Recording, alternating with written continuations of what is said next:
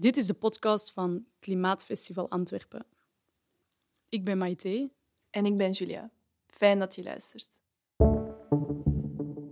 Eten doen we allemaal. Maar wat als we anders zouden eten?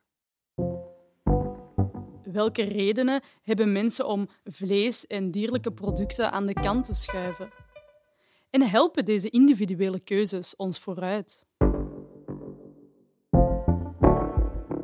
In deze aflevering vertelt Olave Ndouanje waarom ze voor een plantaardig dieet heeft gekozen. Ze staat stil bij mainstream veganisme en bij individuele consumentenkeuzes.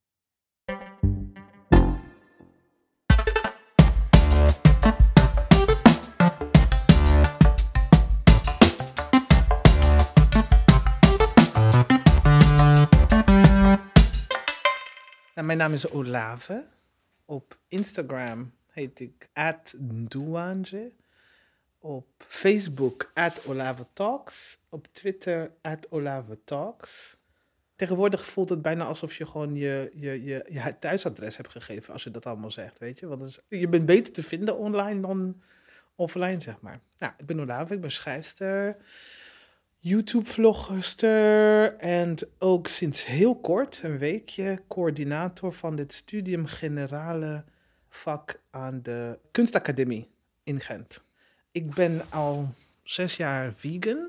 En ja, waarom ben ik vegan geworden? Dat ging heel erg abrupt. In de loop van één documentaire die ongeveer twee uur lang duurde, ging ik over van een totale carnivore ik ben ook nooit vegetariër geweest. Vond het ook behoorlijk belachelijk, dat idee al. Terwijl ik heb één documentaire gekeken en binnen twee uur was het mij heel erg duidelijk geworden dat ik dat niet meer kon doen met een uh, schoon geweten. Uh, die documentaire was Cowspiracy. het was op Netflix. Ik had net Netflix. En ik vind documentaires altijd wel heel leuk. En ehm, ik keek ernaar en ik had letterlijk aan het begin van de, van de documentaire had ik een sandwich met kaas en ham en een andere sandwich met, uh, weet ik veel, ik eet heel veel, hè? I'm a big person. Uh, met uh, runder met een groot glas melk daarnaast en wat koekjes. Het was dus gewoon echt een carnivore festijn. En tegen het einde van de documentaire ben ik naar mijn keuken gelopen en heb ik alles wat waar dieren, dierlijke producten in zat, heb ik allemaal meteen weggegooid. Ik had niks meer over in mijn kast, in mijn koelkast. Ik was gewoon, ik had, I just didn't have any food anymore. Dus ik heb ook die eerste week ook heel veel honger geleden, moet ik zeggen. Want ik ging dan naar de winkel en dan uh, moest, moest ik leren uitzoeken wat vegan was, wat niet. Dus ook leren, zeg maar, lezen wat uh, allemaal geheime ingrediënten wel niet zijn, één nummers enzovoort. Dus ik liep de winkel in en waar ik normaliter misschien een half uur de winkel in was, was ik nu elke keer een uur of twee bezig. Maar ja, thank goddess voor Wikipedia en voor Accidentally Vegan Foods en voor de menige uh, vegan uh, websites. En uh, ook, weet je, mensen die hun best doen, zoals vegetus.nl, om op een hele betaalbare manier mensen te introduceren aan vegan foods en zo. En daar heb ik heel veel aan gehad de eerste paar maanden. Dus zodoende echt een hele abrupte, radicale shift. Ik heb er geen spijt van. Ik heb ook volgens mij ook nooit ene dag gedacht van... Het heeft mij nooit verleid om weer dierlijke producten... Ik heb dat nooit gehad. Ik heb nooit gehad van, oh mijn god, ik mis kaas zo erg of zo. Het was mij meteen duidelijk. En uh, ja, al nu zes jaar. Waarom? Het begon, de Cowspiracy documentaire, daar ging ik naar kijken, omdat het dus geadvertised werd toen de tijd, toen ik het ging kijken, als een soort van, dit is wat je dus niet verteld wordt over de klimaatverandering en over wat men kan doen of wat men hoort te doen rondom het voorkomen van klimaatverandering. En dat was voor mij best interessant en belangrijk ook in die tijd. En het begint ook gewoon zo met cijfers. En het is een documentaire die voor een groot deel, denk ik meer dan de helft, gaat over heel erg uh, cijfermatig ook Van wat doet dierenteelt en veeteelt en de, de bio-industrie. Ik weet niet hoe je dat noemt in het, in het Vlaams, maar in Nederland zeggen we vaak bio-industrie. En dat is dus alles wat te maken heeft met dierlijke produceren van dieren voor consumptie en van dierlijke producten. En heel cijfermatig van hoe staat dat in vergelijking met andere vervuilende industrieën, zoals transport en uh, bijvoorbeeld vliegen, auto's, uh, you know, productie van plastic, olie. Weet je, dat was, dat, was, dat was voor mij heel erg duidelijk. En ik was iemand die dus inderdaad een bedrijf ging beginnen in Rwanda om hierover te kunnen hebben, om dat allemaal te veranderen. Ik was iemand die korte douches nam, die uh, zoveel mogelijk met de trein reisde. Allemaal best goede dingen. En, uh, maar echt, oh mijn god, de kwantiteiten van dierlijke producten die ik consumeerde, uh, is gewoon onbeschrijfelijk. Het was gewoon, ik had bijna bij elke maaltijd en de snacks ertussen minstens vlees, kaas. er was altijd iets dierlijks bij betrokken.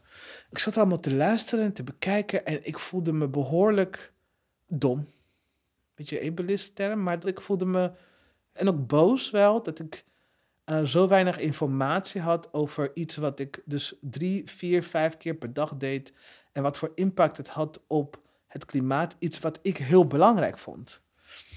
En uh, het was, er was ook een zekere mate van ongeloof, van kan het nou echt zo zijn? Dus ik was, terwijl die man aan het praten was en schafikken, dan ging ik ook op Google checken van klopt niet, wat zegt die gast nou? Dat klopt niet, dat klopt niet. En uh, nou ja, Cowspiracy, uh, de andere deel, laatste deel van de documentaire ging dan over dierenwelzijn met name. Ik moet heel eerlijk zeggen, ik heb er niet echt tranen om gelaten. Meer dan dierenwelzijn was ook de effect op de gezondheid, op de eigen fysieke gezondheid van mensen. Dat didn't really impress me much ook. En dat blijft ook niet zo heel erg uh, mij interesseren. Ik ben voordat ik uh, was, was ik dik. Nadat ik vegan ben geworden, was ik dik. Dus weet je, leuk en aardig. Maar uh, ik was niet heel gewoon de indruk van, oh, dan ga je kilo's afvallen. Ook het verhaal rondom dieren was niet zo heel erg. Ja, ik, ik weet nu dat mijn empathie voor dieren door jarenlange consumptie voor dieren gewoon er niet was. Of gewoon zodanig was uitgehold dat het weinig effect op mij had. Maar de klimaat, dat had heel veel effect op mij. Ik denk ook vooral omdat ik toch ook, ook in die tijd geloofde dat met, gewoon met de juiste slimme benaderingen, dat je dus de klimaatverandering kan ja, stopzetten. Misschien reversen zelfs. En, uh, en wellicht ook repareren wat we hebben geschaad. Het is nu zes jaar later. Er is heel veel gebeurd. Ik heb ook heel veel veganisten en verschillende gemeenschappen binnen de veganisme. Nou, er zijn gewoon heel veel veganistische gemeenschappen. Is niet één gemeenschap, er zijn vele veganistische gemeenschappen.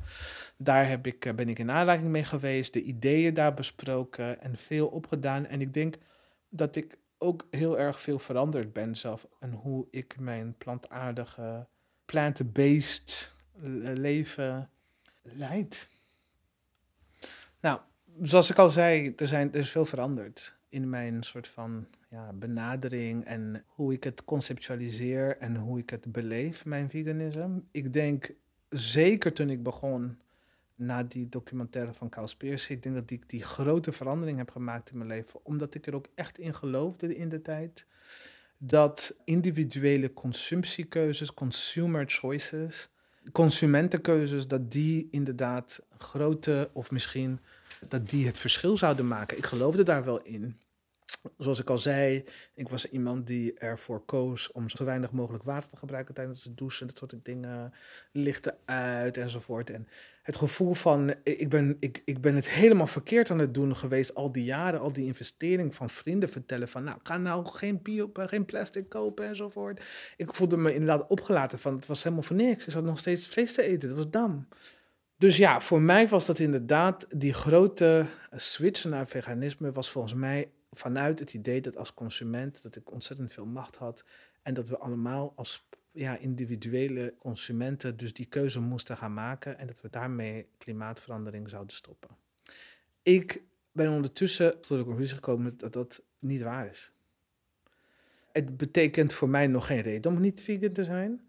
Maar ik denk dat we veel meer aan hebben om op een collectieve manier, op een politieke manier, op een culturele niveau en wellicht op een kosmologische niveau, om het uh, westerse beschavings, niet alleen ideaal, maar, maar praktijk, hoe het beleefd wordt, om dat te veranderen als het kan, te bestrijden, want het moet, en in essentie uh, te revolutioneren.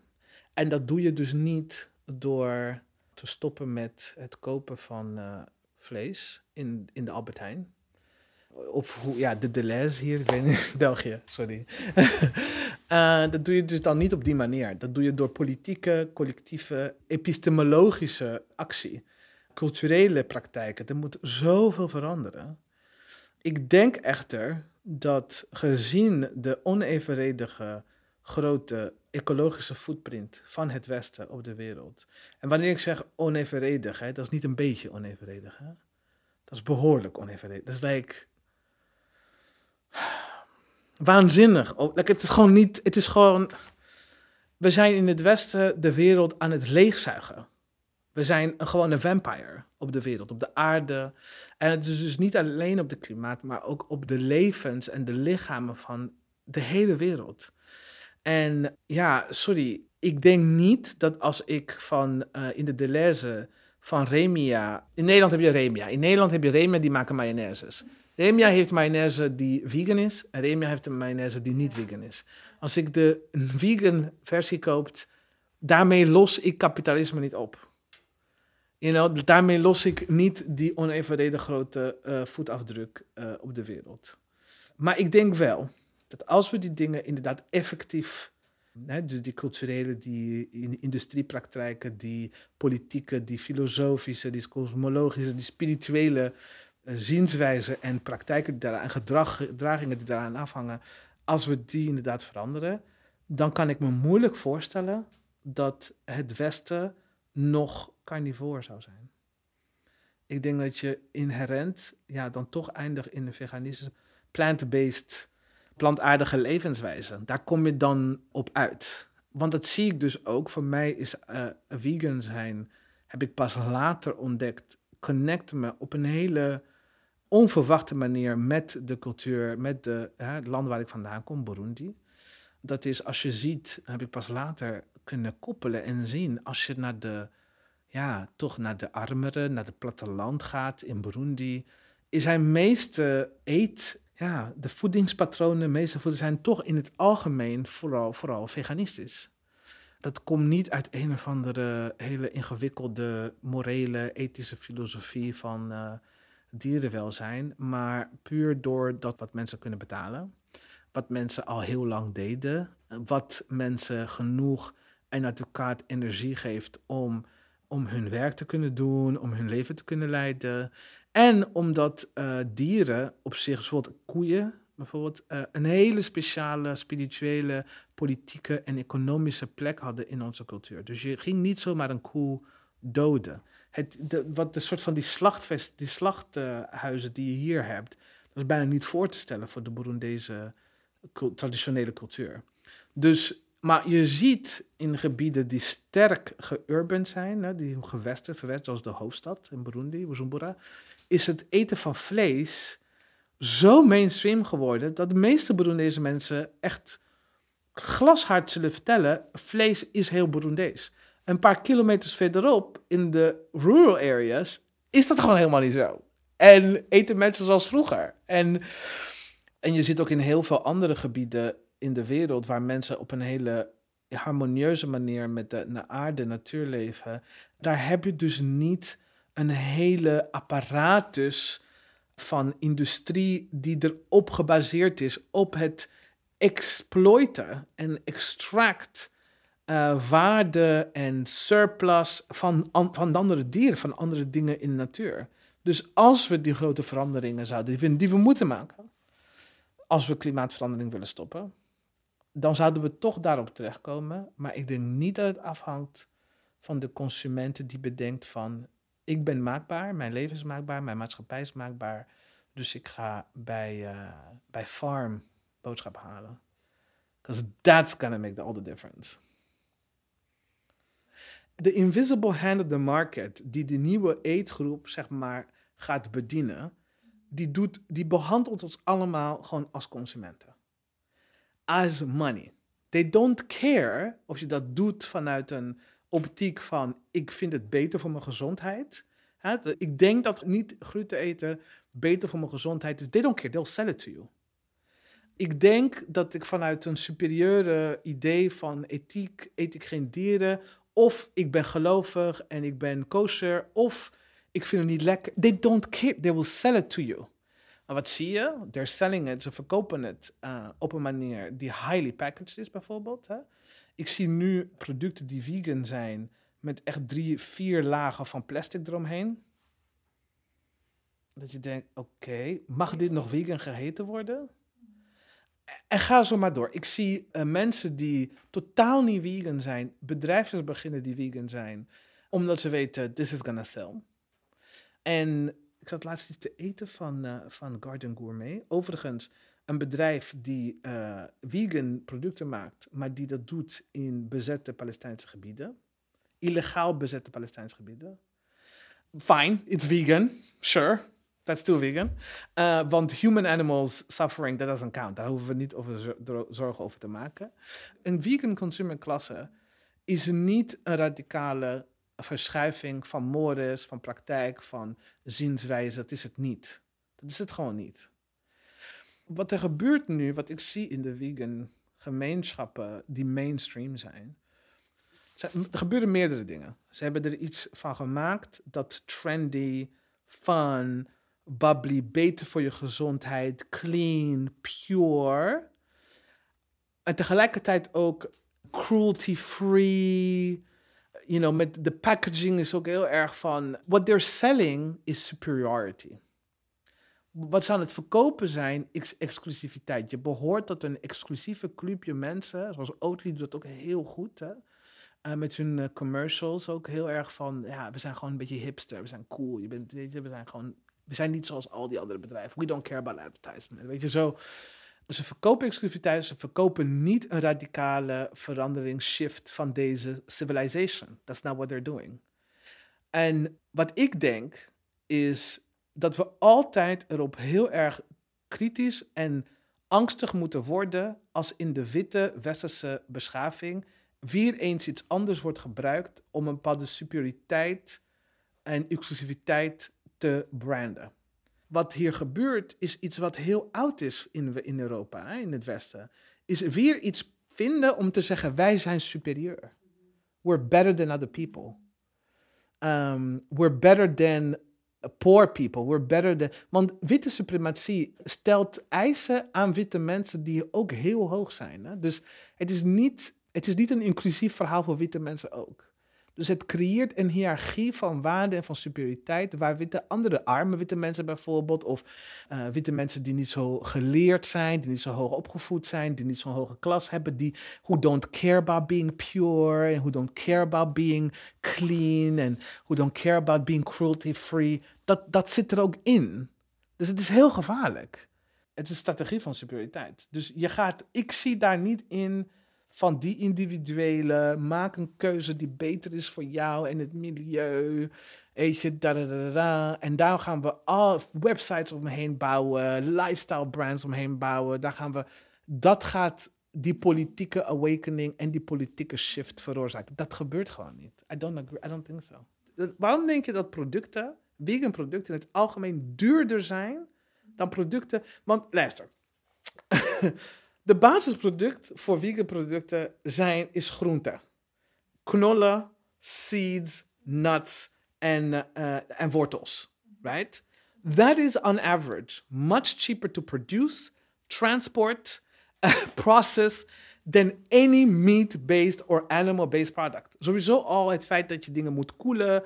Animal products die verrotten veel sneller. Je moet allerlei processen handhaven om... Het is gewoon duurder. Maar somehow, vegan products are more expensive.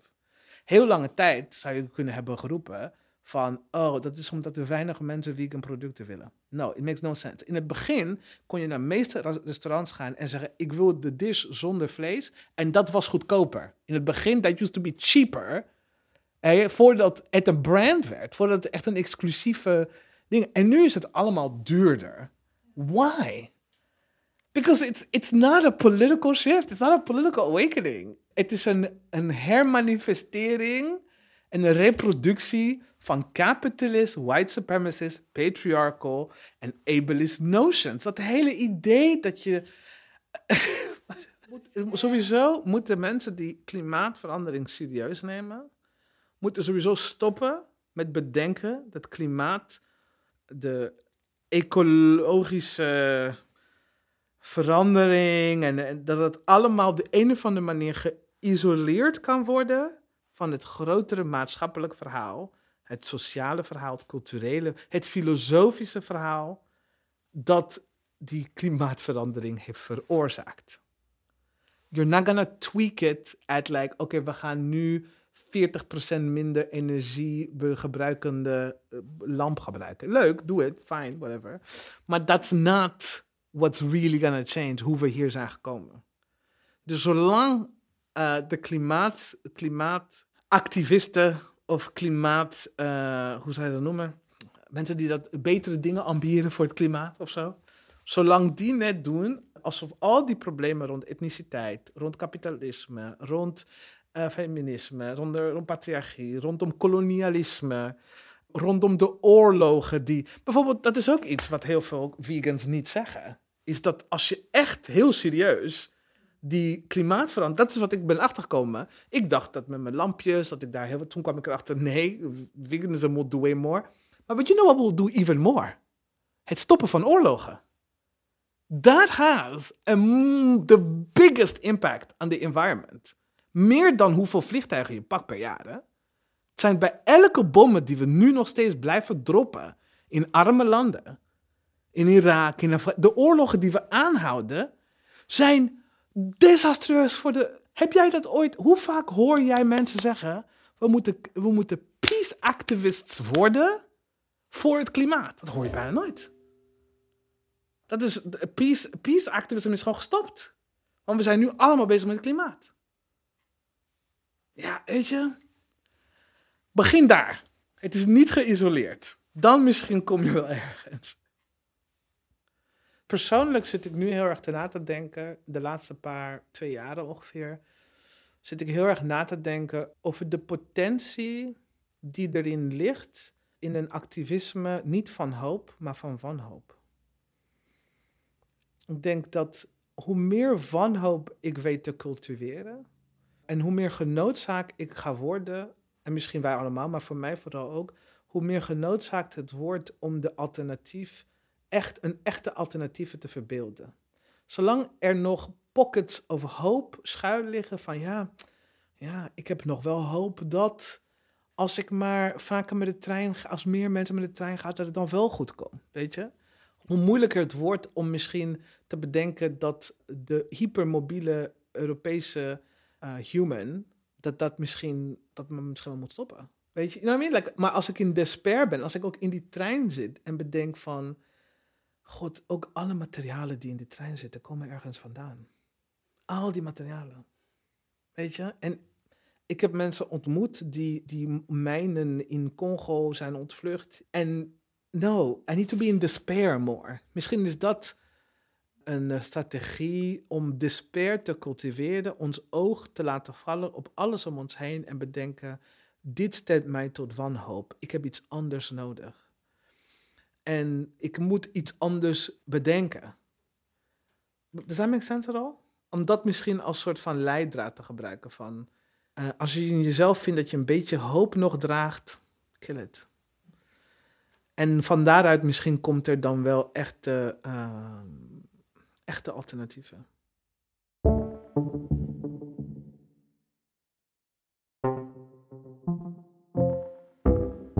Dit was de podcast van Klimaatfestival Antwerpen.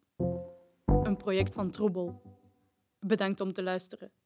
Wil je op de hoogte blijven van andere projecten van Troebel? Volg ons op sociale media. Je kan ons vinden op Facebook en Instagram als @troebeltroebel.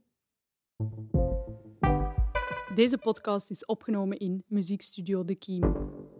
Productie, muziek en opname door Kaat Schilds. Beeld door Design Studio Catapult. Dank aan 1111 en de burgerbegroting van het district Antwerpen om deze podcast mee mogelijk te maken.